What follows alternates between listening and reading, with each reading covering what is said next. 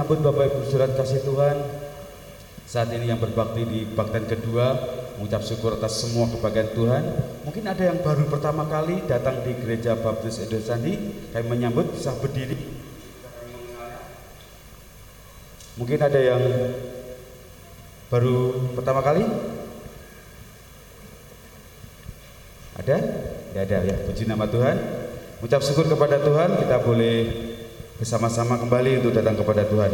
Bapak Ibu kasih Tuhan, kita bisa memperhatikan buletin kita pada hari ini, minggu ini.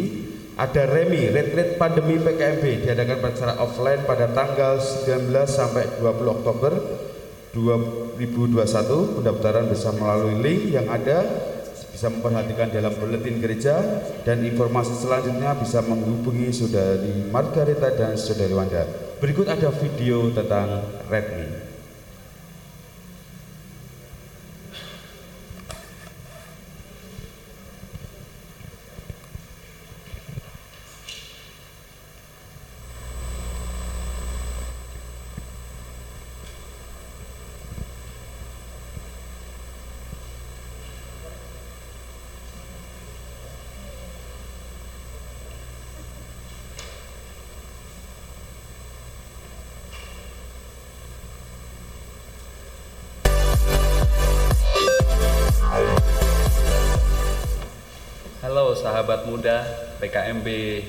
Gereja Baptis Indonesia Candi, gereja kita kembali mengadakan retreat pandemi tanggal 19 dan 20 Oktober 2021 dengan mengambil tema pelayan yang sehati, berkarakter, dan bersahabat.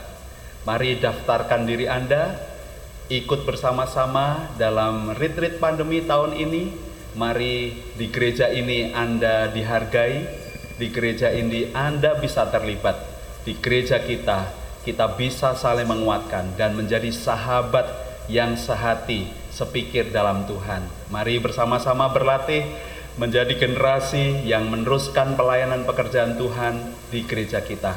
Tuhan Yesus memberkati.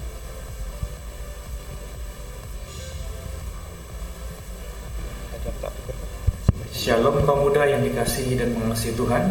Kita bersyukur kita boleh kembali bertemu di dalam retreat pandemi yang kedua di tahun 2021 ini.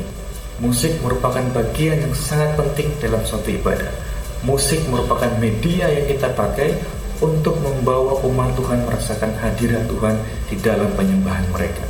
Untuk itu kita perlu mempersiapkan musik dengan baik. Memilih jenis musik Lakukan aransemen membangun tim yang solid dan bukan hanya itu saja. Bagaimana kita sebagai pelayan-pelayan Tuhan membesarkan diri kita di dalam melayani Tuhan dengan baik. Mari temukan di dalam retreat pandemi yang kedua dan kita akan bersama-sama diperlengkapi dengan materi-materi yang akan sampaikan oleh pembicara. Dan bukan hanya itu saja dan bagaimana kita juga akan diperlengkapi dengan outbound dan aktivitas-aktivitas yang akan membangun karakter kita sebagai pelayan-pelayan Kristus. Jangan lupa daftarkan diri Anda dan kita bertemu di dalam retreat pandemi yang kedua di tahun ini. Tuhan memberkati saudara sekalian.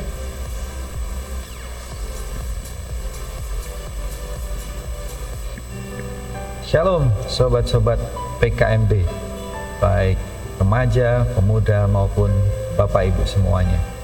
Saya mengajak remaja-remaja, pemuda-pemuda untuk ayo ikut bergabung di retreat pandemi 2021. Pelayan yang sehati, berkarakter dan bersahabat. Ya, PSBB. Semuanya sudah didesain, dirancang dan percayalah bahwa akan ada hal yang luar biasa yang adik-adik ya pemuda-pemuda remaja akan dapatkan dalam acara ini luar biasa Tuhan baik untuk gereja kita di GPI Candi ini semuanya sudah mulai mengambil bagian di dalam pelayanan nah mari kita tingkatkan uh, pelayanan kita dalam kesehatian dalam kesatuan sehingga lebih efektif untuk menjangkau jiwa-jiwa baru untuk semakin memuridkan banyak tubuh Kristus dan semakin dikuatkan dalam kecintaan akan Tuhan. Mari saya dorong, saya ajak adik-adik semua, remaja dan pemuda segera daftar ya di panitia Remi 2021. Tuhan Yesus memberkati.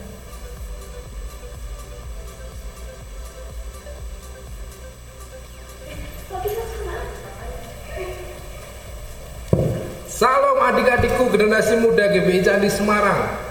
Kesempatan ini saya mendorong bagi setiap kaum muda untuk dapat mengikuti dan bersuka cita dalam retreat pandemi atau REMI yang akan diadakan pada tanggal 19 sampai 20 Oktober 2021. Temanya sangat menarik, bagaimana menjadi pelayan yang sehati, berkarakter, dan bersahabat. Ada materi yang menarik juga. Salah satu hal yang penting yang perlu dimiliki oleh pelayan seorang worship leader atau seorang singer, yaitu bagaimana membangun paradigma dan konsep seorang pelayan yang berkarakter Kristus dan mempunyai kerendahan hati melalui bidang pelayanan yang dipercayakan pada kita masing-masing. Saya juga mendorong setiap orang tua untuk juga memotivasi anak-anaknya untuk mengikuti kegiatan retreat kaum muda GBI Candi. Ini adalah kegiatan yang positif, baik bagi tumbuh kembang generasi GBI Candi. Kiranya apa yang menjadi doa Raja Daud dalam Mazmur 114, 144 ayat 12 dapat terwujud untuk generasi muda GBI Candi. Semoga anak-anak lelaki kita seperti tanam-tanaman yang tumbuh menjadi besar pada waktu mudanya dan anak-anak perempuan kita seperti tiang-tiang penjuru yang dapat dipahat untuk bangunan istana. Pak, cuciannya.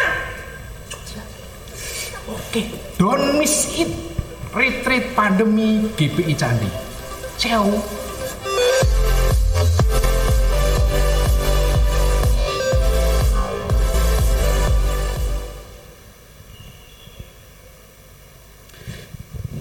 Ya, silakan Bapak Ibu Saudara semua bisa mengajak mengarahkan anak kita untuk bisa mengikuti acara Remi 2021. Tuhan Yesus memberkati kita semua. Dan pengumuman kedua, Selamat berbahagia kepada keluarga Bapak Sugiharto dan Ibu Nosi atas kelahiran anak pertama jenis kelamin perempuan lahir secara sesar pada hari Jumat 24 September 2021. Tuhan Yesus memberkati buat keluarga yang sedang berbahagia untuk putrinya yang pertama ini. Dan Gereja Baptis Candi mengucapkan terima kasih untuk bunga indah yang menghiasi di ibadah kita hari ini kepada Bapak Doni Dana Dono. Tuhan Yesus memberkati untuk semuanya. Bapak Ibu yang kasih Tuhan, mari kita akan bersatu sejenak, kita akan memulai ibadah kita, kita mau arahkan hati kita, segenap hidup kita kepada Tuhan, kita beri yang terbaik untuk kita beribadah kepada Tuhan. Mari kita akan bersama-sama berdoa bersama-sama, kita bersatu sejenak, arahkan hati kita kepada Tuhan.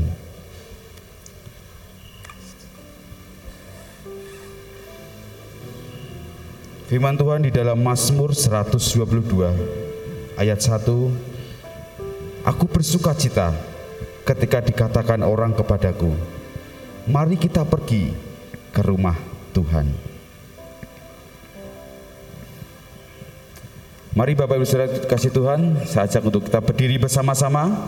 Kita akan bersuka cita dengan nyanyian syukur kita datang kepada Tuhan. Dengan nyanyian syukur kita, kita beri yang terbaik kepada Tuhan. Dengan sukacita, mari kita masuk kebanyakan dengan hati yang bersyukur kepada Tuhan. Kita boleh bersuka cita kepada Tuhan. Nyatakan syukur kita kepada Tuhan.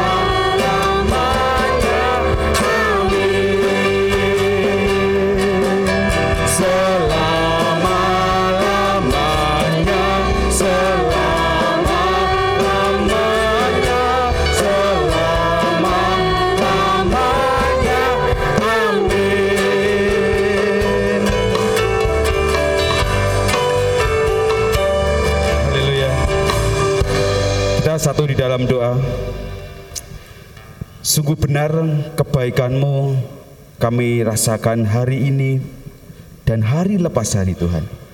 Kami sungguh bersyukur kami memiliki Allah yang baik di dalam kehidupan kami.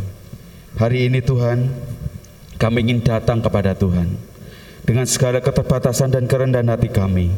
Kami ingin sujud bertelut di hadapan-Mu ya Tuhan. Kami menyembah Engkau di dalam roh dan kebenaran. Berkati kami semua saat kami boleh datang kepada Tuhan. Kami siap dibentuk melalui kebenaran firman-Mu. Urapi hamba-Mu yang akan menyampaikan kebenaran firman-Mu Tuhan. Urapi kami semua yang menerima firman-Mu Tuhan. Biar kami terima berkat dari Tuhan. Terima kasih Bapa. Di dalam nama Tuhan kami Yesus Kristus, kami serahkan ibadah kami hari ini. Haleluya. Amin. Kita tetap berdiri. Kita tetap bersyukur kepada Tuhan atas kebaikan Tuhan. Atas semua yang terbaik Tuhan berikan bagi kita. Kita mau beri yang terbaik. Ini nyanyian pujian kita yang sungguh-sungguh membawa kita semangat kita untuk kita boleh mengasihi Tuhan, melayani Tuhan lebih baik. Karena kita mau beri yang terbaik bagi Tuhan. Haleluya.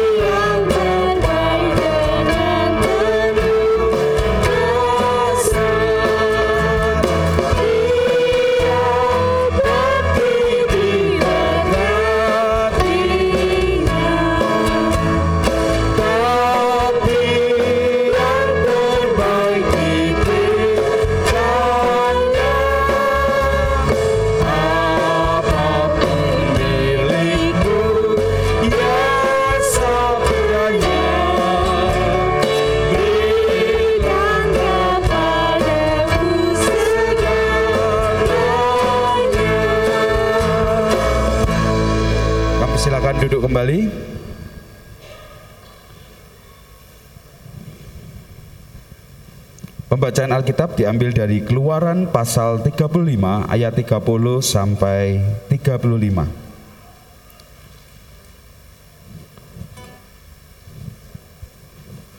Keluaran pasal 35 ayat 30 sampai 35. Mari kita akan membaca secara silih berganti. Saya akan membacakan ayat yang genap. Silakan Bapak Ibu dengan singer akan membaca ayat yang ganjil. Keluaran pasal 35 ayat 30 sampai 35. Pengangkatan Bezalel dan Aloyab. Berkatalah Musa kepada orang Israel, Lihatlah, Tuhan telah menunjuk Bezalel bin Uri bin Nur dari suku Yehuda dan telah memenuhinya dengan roh Allah, dengan keahlian, pengertian, dan pengetahuan dalam segala macam pekerjaan. yakni untuk membuat berbagai rancangan supaya dikerjakannya dari emas, perak, dan tembaga. Untuk mengasah batu permata supaya ditata, untuk mengukir kayu, dan untuk bekerja dalam segala macam pekerjaan yang dirancang itu. Dan Tuhan menanam dalam hatinya dan dalam hati Aholiab bin Aisamak dari suku dan kepandaian untuk mengajar. Ia telah memenuhi mereka dengan keahlian untuk membuat segala macam pekerjaan seorang tukang, pekerjaan seorang ahli, pekerjaan seorang yang membuat tenunan yang berwarna-warna dari kain ungu tua, kain ungu muda, kain kirmizi, dan lenan halus, dan pekerjaan seorang tukang tenun, yakni sebagai pelaksana segala macam pekerjaan dan perancang segala sesuatu. Puji nama Tuhan. Kita mencintai Tuhan dengan segenap hati kita. Kita mencintai Tuhan dengan sepenuh hati kita. Mari cintai kita semua adalah waris kerajaan surga. Ku cinta kerajaanmu ya Tuhan.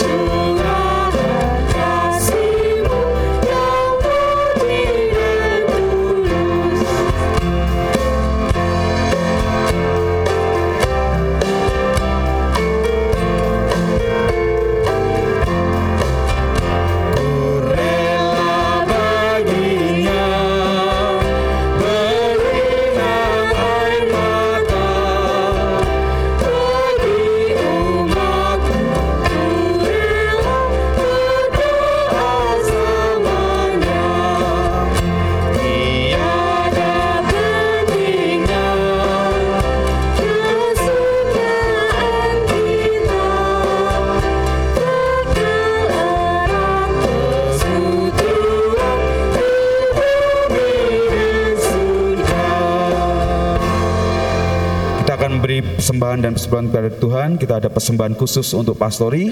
Mengucap syukur kepada Tuhan kalau bulan ini kita boleh berikan sembahan pembayaran 32,5 juta rupiah.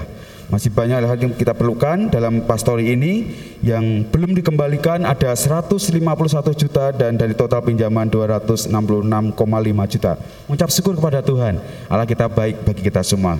Mari kita akan berdoa bersama-sama. Kita akan serahkan persembahan dan persepuluhan pada kita pada Tuhan. Saudara Novi akan tendang doa. Mari kita berdoa. Selamat pagi ya Tuhan, kami mengucap syukur untuk setiap penyertaan-Mu. Engkau masih mengizinkan kami ya Tuhan untuk kami boleh bersama-sama di tempat ini untuk memuji dan menyembah Engkau ya Bapa. Dan tiba saatnya kami akan memberikan persembahan kami, berkati persembahan persepuluhan kami ini ya Tuhan, supaya persembahan persepuluhan kami ini boleh menjadi eh, persembahan yang harum di hadapan Engkau dan boleh memperluas kerajaan-Mu di tempat ini ya Tuhan. Kami juga berdoa ya Tuhan untuk setiap tangan-tangan yang sudah setia memberikan persembahan, biarlah Engkau yang terus senantiasa memberkati memberkati setiap anak-anakmu ini. Kami juga berdoa ya Tuhan untuk setiap tangan-tangan yang belum bisa memberikan persembahan, kiranya Tuhan Kau yang juga memberkati mereka supaya di kesempatan yang akan datang mereka boleh memberikan yang terbaik yang menjadi milikmu. Terima kasih ya Tuhan, kami menyerahkan doa persembahan persepuluhan ini ke dalam campur tangan kasih kuasamu, hanya di dalam nama Tuhan kami Yesus Kristus, kami mengucap syukur dan kami sudah berdoa. Amin. Amin. Kantong persembahan warna biru untuk persembahan khusus pastori. Kita berikan terbaik buat Tuhan. Anggur baru tercurah di tempat ini. Kita akan memuji Tuhan saat kita memberi yang terbaik kepada Tuhan.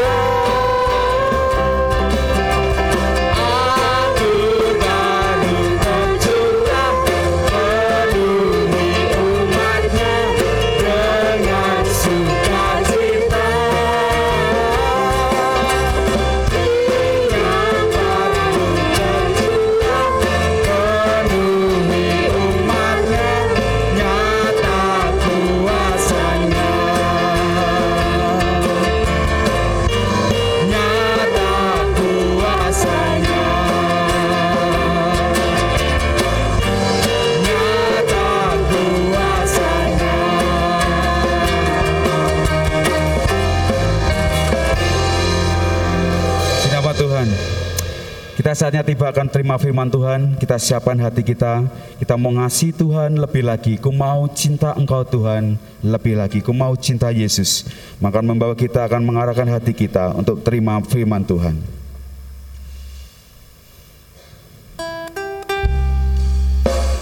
Kesungguhan hati kita terima firman Tuhan. Biarlah ini kerinduan hati kita mengasihi Tuhan lebih lagi. Dengan sepenuh hati. Ku mau, ku mau cinta Yesus selamanya. Ku mau cinta Yesus selamanya.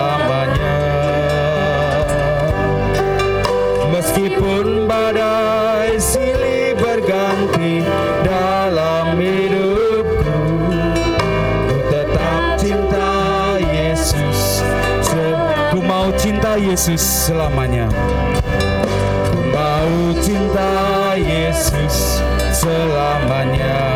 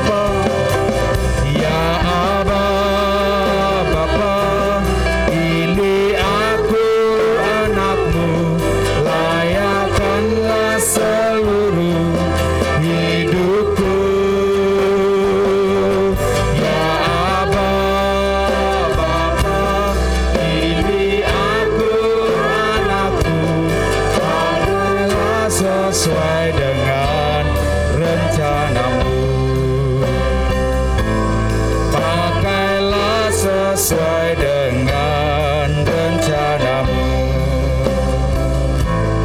Pakailah sesuai dengan rencanamu.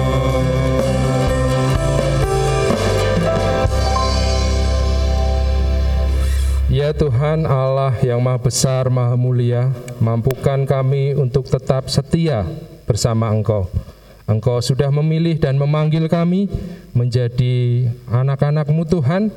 Biarlah kami senantiasa mencintai Engkau dengan senantiasa membuka hati pikiran kami dengan kebenaran firman-Mu untuk dapat belajar, untuk dapat merenungkan dan melakukannya Tuhan.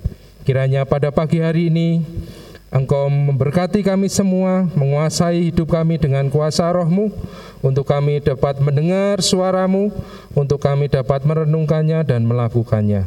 Firmanmu menerangi hati kami, sehingga hidup kami senantiasa beroleh kasih anugerah yang daripadamu Tuhan. Kami menyerahkan waktu ini Tuhan ke dalam tangan kuat kuasamu, biarlah engkau sendiri yang menyatakan kepada firmanmu di dalam setiap hati kami. Terpujilah namamu kekal selamanya. Haleluya. Amin. Silakan duduk kembali Bapak Ibu Saudara sekalian.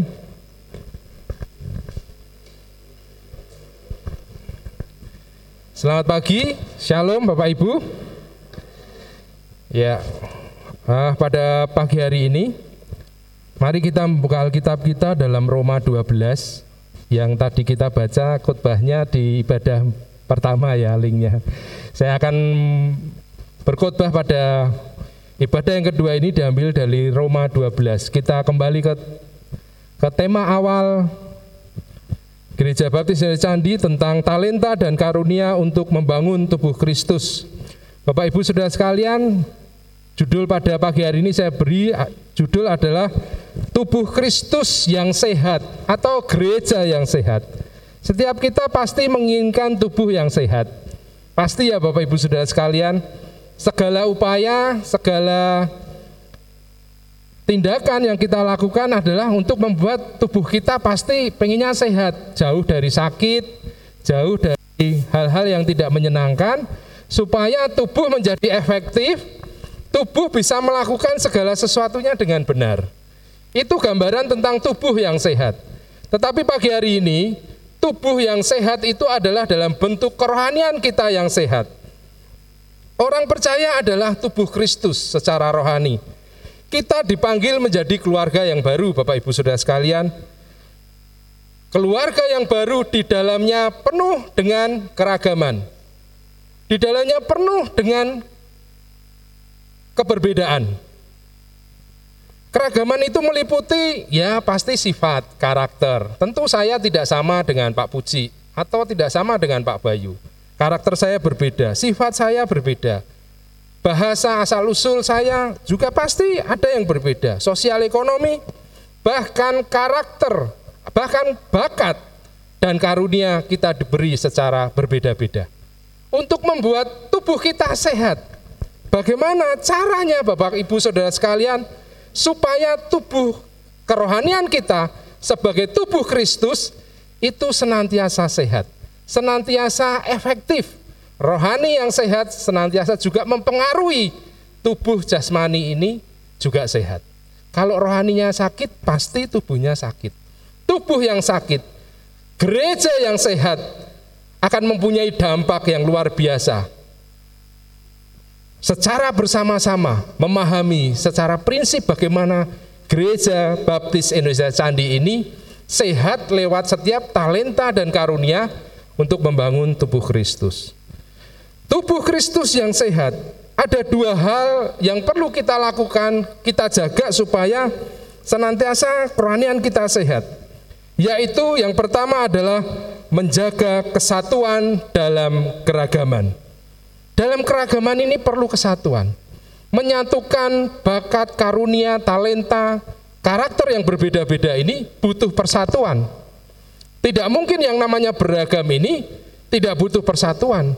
Di dalam komunitas terkecil pun yaitu keluarga butuh persatuan. Dan kita melihat apa yang mempersatukan kita Bapak Ibu Saudara sekalian. Rasul Paulus menyatakan bahwa di tengah banyak anggota dan keberagaman kita satu tubuh. Kita melihat ayat yang kelima A. Kita memperhatikan Alkitab dalam Roma 12 ayat yang kelima dikatakan bahwa demikian kita juga Demikian juga kita, walaupun banyak adalah satu tubuh di dalam Kristus. Walaupun kita banyak, kita adalah satu tubuh. Yang datang ibadah kebaktian dua. Walaupun kita banyak, kita satu tubuh. Itu menandakan bahwa kesatuan itu ada dan perlu dijaga dari kekeragaman itu. Perbedaan keragaman tidak identik dengan keburukan. Tetapi di dalam gereja keberagaman itu disatukan di dalam tubuh Kristus. Dan itu perlu dijaga Bapak Ibu Saudara sekalian, tiap-tiap orang ya. Pribadi lepas pribadi. Bukan secara bersama-sama, punya kewajiban dan tanggung jawab bagaimana menjaga tubuh Kristus yang sehat itu di dalam gereja ini. Mari kita lihat ayat 1 sampai 3 Bapak Ibu Saudara sekalian, di sana dikatakan, karena itu saudara-saudara demi kemurahan Allah, aku menasihatkan kamu supaya kamu mempersembahkan tubuhmu sebagai persembahan yang hidup, yang kudus, dan yang berkenan pada Allah. Itu adalah ibadahmu yang sejati. Janganlah kamu menjadi serupa dengan dunia ini, tetapi berubahlah oleh pembaruan budimu, sehingga kamu dapat membedakan manakah kehendak Allah, apa yang baik, yang berkenan pada Allah, dan yang sempurna. Berdasarkan kasih karunia dianugerahkan padaku, aku berkata kepada setiap orang di antara kamu, janganlah kamu memikirkan hal-hal yang lebih tinggi daripada yang patut kamu pikirkan, tetapi hendaklah kamu berpikir begitu rupa, sehingga kamu menguasai diri menurut ukuran iman yang dikaruniakan Allah kepada kamu masing-masing ada hal-hal yang perlu kita jaga untuk menjaga persatuan itu Bapak Ibu Saudara sekalian. Yang pertama mempersembahkan tubuh kita sebagai persembahan yang kudus. Bagaimana mempersembahkan tubuh yang kudus itu? Apakah kita perlu mengorbankan seperti pengorbanan dalam perjanjian lama untuk sebagai persembahan yang harus disembelih dan dibakar? Tidak. Ayat selanjutnya mengatakan untuk mempersembahkan tubuh yang kudus adalah supaya hidupmu jangan serupa dengan dunia ini. Kita itu adalah orang-orang yang sudah diselamatkan. Kehidupan kita, tingkah laku kita, tutur kata kita, segala perangkat dalam tubuh kita, kita gunakan untuk kemuliaan nama tubuh, kemuliaan nama Tuhan, bukan untuk mencemarkan anggota-anggota tubuh kita. Mulut kita jangan kita pakai untuk rasani orang, menjelekan orang, memaki-maki orang, eh, kita pakai untuk menasehati. Tangan kita kita pakai untuk mengulurkan tangan, untuk membantu setiap orang. Kaki kita melangkah dengan kerelaan untuk setiap orang dapat mendapatkan berkat dan sebagai hal-hal yang baik yang perlu kita lakukan. Itulah bedanya. Orang-orang yang sudah diselamatkan, kita tidak sama dengan orang-orang yang belum mengenal Tuhan. Hendaklah hidup kita tidak sama seperti itu. Jadi jangan serupa dengan gaya kehidupan dunia ini. Pola kehidupan dunia ini. Kalau dunia mengatakan bahwa saat engkau disakiti, ya balas kesakiti. Kalau dunia mengatakan bahwa orang yang melakukan segala sesuatu dengan keras, ya balas dengan keras juga. Tidak ada kasih dan sebagainya. Jadi jangan serupa dengan dunia ini. Lalu biar semua itu terjadi, kita perlu pembaharuan hati dan pikiran kita atau pembaharuan budi. Yang mengendalikan segala sesuatu di dalam kehidupan kita adalah hati. Hati itu adalah kalau di dalam Alkitab dikatakan itu seperti jantung. Dia berdetak terus-menerus. Artinya hati kita adalah pengambil keputusan dalam setiap tindakan yang kita lakukan. Ada perubahan di sana. Ada perubahan hati dan pikiran. Rasul Paulus menyatakan, hendaklah engkau sehati, sepikir di dalam Tuhan. Hendaklah engkau mengalami pembaharuan budimu. Engkau adalah manusia yang baru, manusia yang telah diselamatkan, manusia yang telah diberi tempat yang istimewa sebagai anak-anak Allah. Kalau kita belum menampilkan kehidupan yang sesuai dengan cara hidup kita atau panggilan kita, bagaimana kita bisa berkontribusi menjaga kesatuan dalam keragaman itu. Atau kita malah menjadi pemecah di dalam keragaman itu. Kita mau mau seperti apa Bapak Ibu Saudara sekalian? Pilihannya mau jadi menjaga kesatuan dalam keragaman itu atau menjadi oposisi. Ya, kalau dalam pemerintahan itu ada oposisi yang selalu menyerang mengingatkan. Orang bilangnya mengingatkan, diingatkan itu kan bagus ya. Tapi sering kali kebablasan mengingatkannya. Kritik malah justru memecah belah. Ya. Jadi kesatuan itu adalah tanggung jawab kita pribadi untuk menjadikan keluarga kita yang besar ini sebagai tubuh Kristus yang sehat, tubuh Kristus yang efektif dan bermanfaat. Itu penting Bapak Ibu Saudara sekalian, tiap-tiap kita pribadi harus dengan kesadaran berupaya. Jangan bilang, oh ada diakon, ada pendeta, ada pelayan, ada pengajar yang bisa menjaga kesatuan itu. Sepanjang terus diingatkan, tetapi kontribusi kita sering kali memisahkan diri. Oh, saya kaum biasa, saya hanya mau ke gereja, duduk menikmati. Bagaimana saya bisa menjaga? Kemarin khotbah kita diingatkan bahwa kita adalah imamat yang rajani. Kita punya kontribusi untuk menjaga kesatuan tubuh Kristus. Karena ada maksud yang mulia dari kesatuan itu Bapak Ibu Saudara sekalian. Tidak ada namanya anggota yang bisa berkata bahwa aku mau sesuai dengan keinginan diri saya sendiri. Aku anggota yang eksklusif atau aku anggota yang imannya paling baik di gereja ini. Atau aku anggota yang harus dilayani, anggota yang lainnya. Ini pemahaman yang keliru. Saat kita dengan bermegah diri atau berso, atau sombong mengatakan bahwa aku paling banyak melayani di gereja, yang lainnya mana gitu. Sebenarnya kita sedang tidak berusaha menjaga persatuan itu. Kita tidak mengajar bagaimana menjaga persatuan itu. Firman Tuhan mengatakan bahwa kita harus saling melayani untuk menjaga tubuh Kristus. Bersatu dalam keragaman. Masing-masing adalah anggota seorang terhadap yang lain. Ayat 5b dikatakan bahwa masing-masing adalah anggota seorang terhadap yang lain. Jadi tidak bisa berkata bahwa gereja ini milik saya, sesuai dengan keinginan saya, atau apa yang kita lakukan sesuai dengan kepentingan saya, tidak. Jadi yang bisa yang jadi tidak bisa yang namanya anggota tidak mau ambil bagian. Saya tidak mau ambil bagian. Kadang kita terjebak dalam sebuah ungkapan gini Bapak Ibu, siapa saya? Saya ini siapa toh? Kok terlalu tinggi? Buk, jangan saya, saya tidak bisa apa-apa. Orang melihat mungkin itu sebuah kerendahan hati. Tetapi justru dari situlah awal bagaimana kita menjadi anggota yang pasif. Anggota yang tidak mau menjaga kesatuan itu. Khotbah pagi tadi mengingatkan, kalau Anda masih dengan prinsip siapa saya, saya bukan siapa-siapa, atau saya tidak berarti. Firman Tuhan katakan, ia Allah melihat Allah menunjuk, Allah memenuhi, bahkan Allah mengaruniai. Itu adalah gambaran orang percaya. Jadi kalau kita masih mengatakan siapa saya, saya bukan siapa-siapa, saya tidak punya kemampuan dan sebagainya, Anda sedang menghina Tuhan. Anda sedang tidak percaya kepada Tuhan. Anda jatuh ke dalam karena merasa bahwa Anda merasa seperti merendah, tapi justru Anda adalah orang-orang yang tidak mau menjaga persatuan itu. Bapak Ibu Saudara sekalian, yang kedua, untuk menjaga kesatuan itu, kita perlu yang namanya bakat karunia itu dilakukan, dikembangkan. Ya. Karunia-karunia rohani yang berlainan, tiap orang diberi berbeda-beda supaya memperlengkapi satu dengan yang lainnya. Karunia saya dengan Pak Bayu tentu beda, bakat saya dengan Pak Puji tentu beda. Itu bukan untuk saya, Bakat saya, karunia saya untuk memuliakan nama Tuhan, memberkati orang-orang yang ada tempat ini. Begitu juga dengan Bapak Ibu.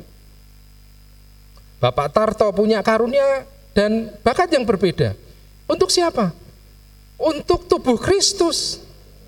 Setiap orang punya kewajiban menggunakan karunia-karunia yang berlainan itu. Karunia ini adalah vitamin dalam keberagaman. Menjaga persatuan itu perlu vitamin menjaga tubuh yang sehat itu bukankah perlu vitamin? Dan Tuhan kasih karunia bakat kepada kita masing-masing untuk menjaganya.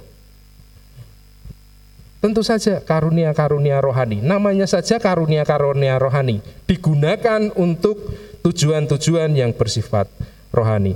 Kalau di Efesus 4 ayat 12 ditekankan bahwa karunia itu harus memperlengkapi orang-orang kudus. Ya memperlengkapi orang-orang kudus. Siapa orang-orang kudus? Kita semua. Kita adalah orang yang sudah dikuduskan. Tapi mengapa saat saya disebut sebagai orang kudus saya masih melakukan dosa? Masih melakukan seperti ini, Pak. Makanya Rasul Paulus menjelaskan bahwa jangan serupa seperti dunia ini. Anda diberi kewajiban untuk menjaga karunia itu, diberi vitamin menurut saya yaitu karunia dan bakat yang berlainan untuk menjaga keberagaman itu tetap bersatu. Membangun tubuh Kristus. Talenta dan bakat semua diberikan untuk Kristus. Memang tidak mudah mengetahui karunia apa yang kita miliki Bapak Ibu Saudara sekalian. Tapi salah satu hal di mana karunia itu dapat kita berikan adalah dengan terus melayani. Kalau Anda berkata bahwa karunia saya apa, tetapi Anda tidak mau melayani, bagaimana Anda bisa mengetahui karunia itu? Kadang pun yang paling sekecil apa pun, mungkin bakat. Saya tidak tahu mas, saya tidak berbakat. Pagi tadi diingatkan bahwa kita semua adalah orang-orang yang berpotensi. Punya potensi untuk dikembangkan dengan segala kekuatan, segala daya dan upaya. Tetapi kalau kita menjadi orang yang malas, bahkan untuk mengenal diri sendiri aja susah, Ya. Bagaimana itu bisa dipakai untuk membangun tubuh Kristus? Bukankah itu sudah diberikan? Rasul Paulus dalam ayat 6 sampai 8 mengatakan aplikasi konkretnya. Pelayanan dapat dilihat sebagai contoh yang Paulus nasihatkan. Kalau engkau mau melayani, ya melayani. Kalau engkau mengajar, ya mengajar. Menasehati, ya menasihati. Ya. Memberi dengan hati yang ikhlas. Kalau engkau diberi kesempatan untuk memimpin, melakukan dengan rajin Marilah kita punya kemurahan melakukan dengan sukacita. Itu aplikasi-aplikasi konkret supaya kita dapat menjaga tubuh Kristus sebagai tubuh yang sehat, tubuh yang efektif, tubuh yang berdaya guna. Ya. Kalau belum tahu karunianya, melayani, terus melayani. Kalau kalau belum tahu apa bakat saya, cari potensi itu, minta kepada yang beri dari dalam doa.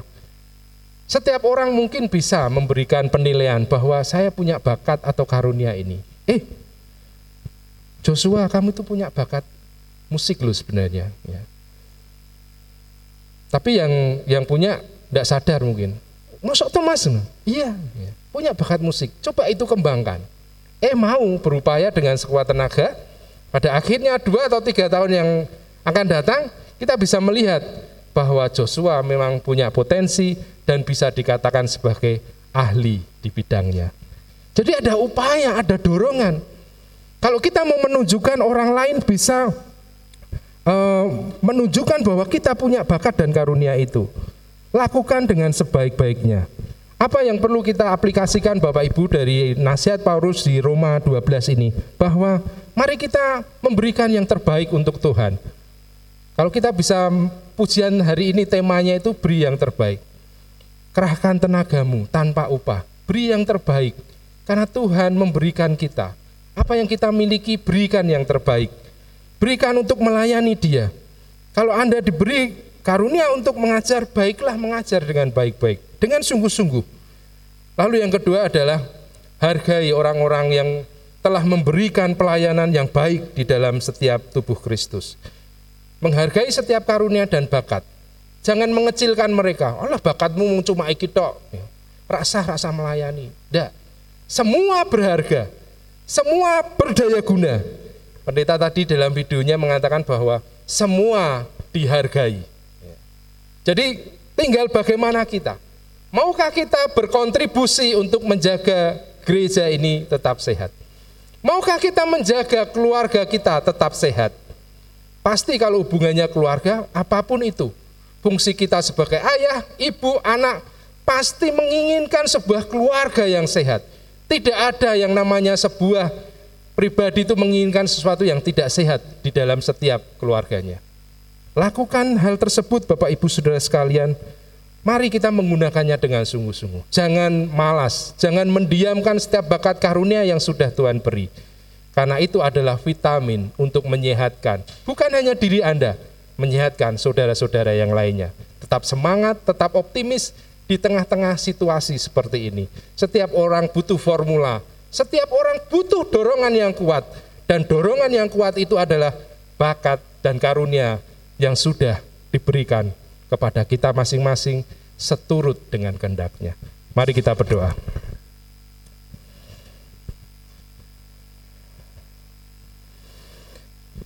Kami senantiasa memohon padamu Tuhan untuk dapat mengerti apa yang sudah Engkau rencanakan dalam hidup kami.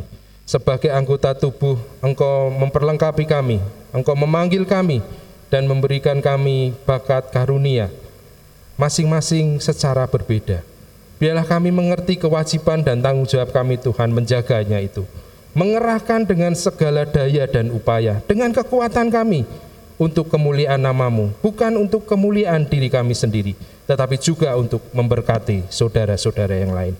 Kiranya firmanmu ini terus hidup Tuhan, untuk dapat mengingatkan kami di saat kami tidak berdaya, di saat kami menghadapi pencobaan, di saat kami mengalami kesesakan, kami terus dihiburkan dengan kebenaran firman-Mu bahwa kami harus terus bersemangat untuk menciptakan keluarga yang sehat, tubuh Kristus yang sehat. Haleluya, puji Tuhan.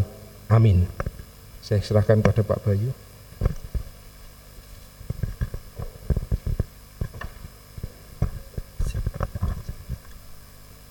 Terima kasih Pak Diakon Juniadi atas firman Tuhan yang disampaikan. Uh, saya memberikan kesempatan kepada Bapak Ibu saudara sekalian mungkin pagi, uh, pagi hari ini ada di antara Bapak Ibu yang mau uh, membangun komitmen untuk melayani Tuhan.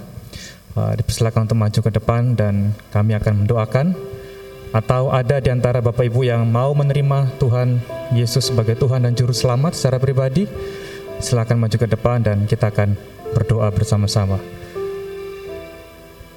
atau ada yang memiliki pergumulan yang sedang digumulkan, saudara bisa maju dan menyatakan dan kita akan mendoakan secara bersama-sama.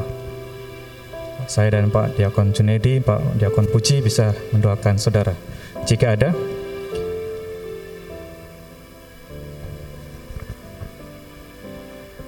Baik, jika tidak ada, mari kita berdiri bersama-sama. Kita akan mengakhiri ibadah kita pada pagi hari ini. Segala puji dan syukur kami naikkan kepadamu Tuhan, Engkau Allah yang mengasihi kami. Kami bersyukur di kesempatan ibadah yang kedua, kami boleh melaksanakan ibadah kami, penyembahan kami dan puji-pujian kami. Dan kami naikkan kepada Engkau sebagai Tuhan yang layak kami puji dan kami tinggikan. Dan biarlah ini semua menjadi persembahan yang harum dan berkenan di hadapan Tuhan. Tuhan memberkati setiap pelayan-pelayan Tuhan yang melayani Engkau di pagi hari ini dan hambamu, uh, Bapak Diakon Junedi yang sudah beritakan firman-Mu, kiranya Tuhan memberkati hidupnya, keluarganya dan juga apa yang dikerjakan biarlah berkenan dan Tuhan memberkati. Terima kasih Bapak, kami terus berdoa untuk bangsa dan negara kami. Kami bersyukur atas bangsa dan negara kami yang boleh mengalami uh, penurunan angka COVID-19 dan kami terus berdoa supaya Tuhan memberkati para pemimpin kami di tengah-tengah pandemik ini mereka diberikan hikmat, kebijaksanaan di dalam memutuskan segala sesuatu supaya Tuhan dimuliakan dan mereka diberikan roh takut akan Tuhan sehingga mereka dapat menjalankan setiap tugas dan kewajiban yang dipercayakan kepada mereka untuk menyatakan kehendak Tuhan dan menjadikan bangsa kami lebih baik lagi dan dapat mampu melewati masa-masa yang sulit di kehidupan kami. Terima kasih Bapak berkati vaksinasi yang terus dijalankan. Tuhan memberkati untuk dana yang diperlukan dan kami rindu supaya setiap warga negara kami di seluruh bangsa kami ini dapat merasakan vaksinasi dan kami semua dapat terbebas dari ancaman virus ini Tuhan. Terima kasih Bapak, kami juga terus berdoa untuk uh, kegiatan sekolah yang uh, sudah beberapa tempat dilangsungkan.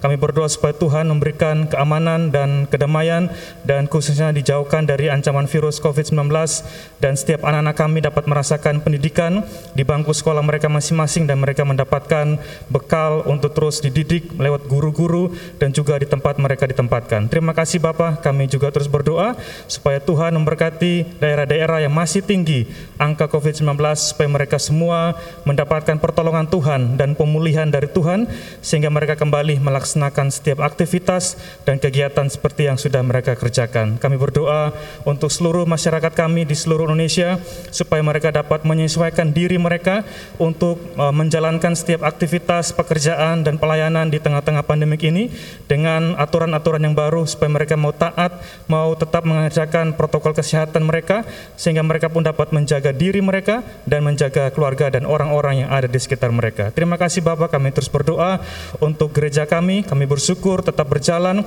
di tengah-tengah pandemik ini dan kami bersyukur Tuhan terus memakai gereja kami untuk menjadi alat Tuhan, menjadi saksi Tuhan dan menyatakan uh, kebenaran firman Tuhan dan juga melayani di tengah-tengah situasi ini. Kami berdoa untuk program-program yang saat ini sedang dijalankan khususnya untuk uh, program retreat pandemi uh, kaum muda kami yang akan dilaksanakan pada bulan Oktober. Tuhan memberkati supaya retreat ini dapat menjadikan kaum muda kami uh, kaum muda yang berkarakter dan juga setia dan penuh antusias di dalam melayani Engkau. Tuhan memberkati para pembicara kami Tuhan memberkati cuaca dan tempat yang kami gunakan supaya semua dapat menjadikan uh, kami semua bisa menikmati kebersamaan dan dibangun di dalam suatu ke, uh, persekutuan yang Engkau berikan kepada kami. Terima kasih Bapak, kami juga terus berdoa supaya Tuhan memberkati jemaat kami yang bekerja dan melayani Tuhan di tempat mereka masing-masing. Kiranya Tuhan menolong mereka. Tuhan berkati untuk usaha dan juga pelayanan dikerjakan. Tuhan menopang dengan kuasamu supaya mereka semua dibuat berhasil. Dan apa yang sedang mereka gumulkan Tuhan memberkati dan Tuhan menolong supaya mereka selalu mengandalkan Tuhan di dalam segala langkah hidup mereka. Berkati mereka yang sedang bergumul dengan sakit penyakit. Untuk Ibu Sulatmi Kuniman Tuhan memberkati berikan kesehatan. Dan juga untuk keluarga almarhum Bapak Sutimin yang sedang berduka Tuhan akan menguatkan mereka semua. Dan juga untuk segenap uh, jemaat kami yang sedang mencari pekerjaan, pasangan hidup, dan jodoh Tuhan akan memberikan tepat pada waktunya karena kami tahu kami punya Allah yang hidup, Allah yang senantiasa memperhatikan kami dan mempedulikan kehidupan kami. Terima kasih Bapak, kami berdoa untuk jemaatmu yang hadir di tempat ini maupun yang ada di rumah yang lewat streaming, Tuhan juga memberkati hidup mereka semua. Terima kasih Bapak, inilah syafaat kami yang kami naikkan di dalam nama Tuhan kami, Yesus Kristus. Jemaat yang dikasih Tuhan, pulanglah dan membawa berkat pada Tuhan. Tuhan memberkati engkau dan melindungi engkau. Tuhan menyinari engkau dengan wajahnya dan memberi engkau kasih karunia. Tuhan mengadapkan wajahnya kepadamu dan memberi engkau damai sejahtera. Dan biarlah kasih karunia dan damai sejahtera di Allah Bapa, Tuhan kita Yesus Kristus dan di dalam persekutuan Roh Kudus akan menyertai kita sekalian dari sekarang sampai selama-lamanya. Di dalam nama Tuhan kami Yesus Kristus kami berdoa. Haleluya. Amin. Tuhan berkati.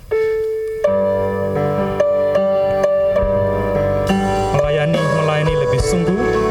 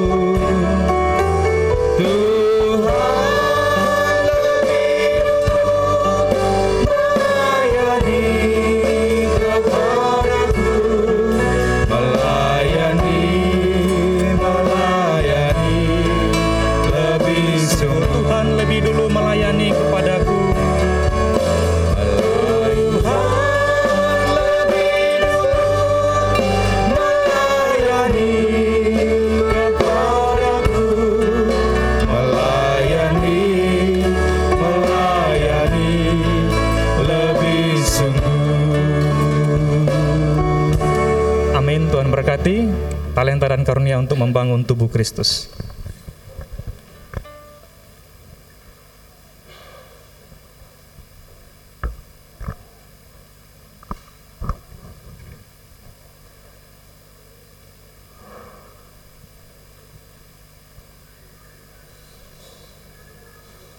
Selamat pagi, Tuhan Yesus memberkati.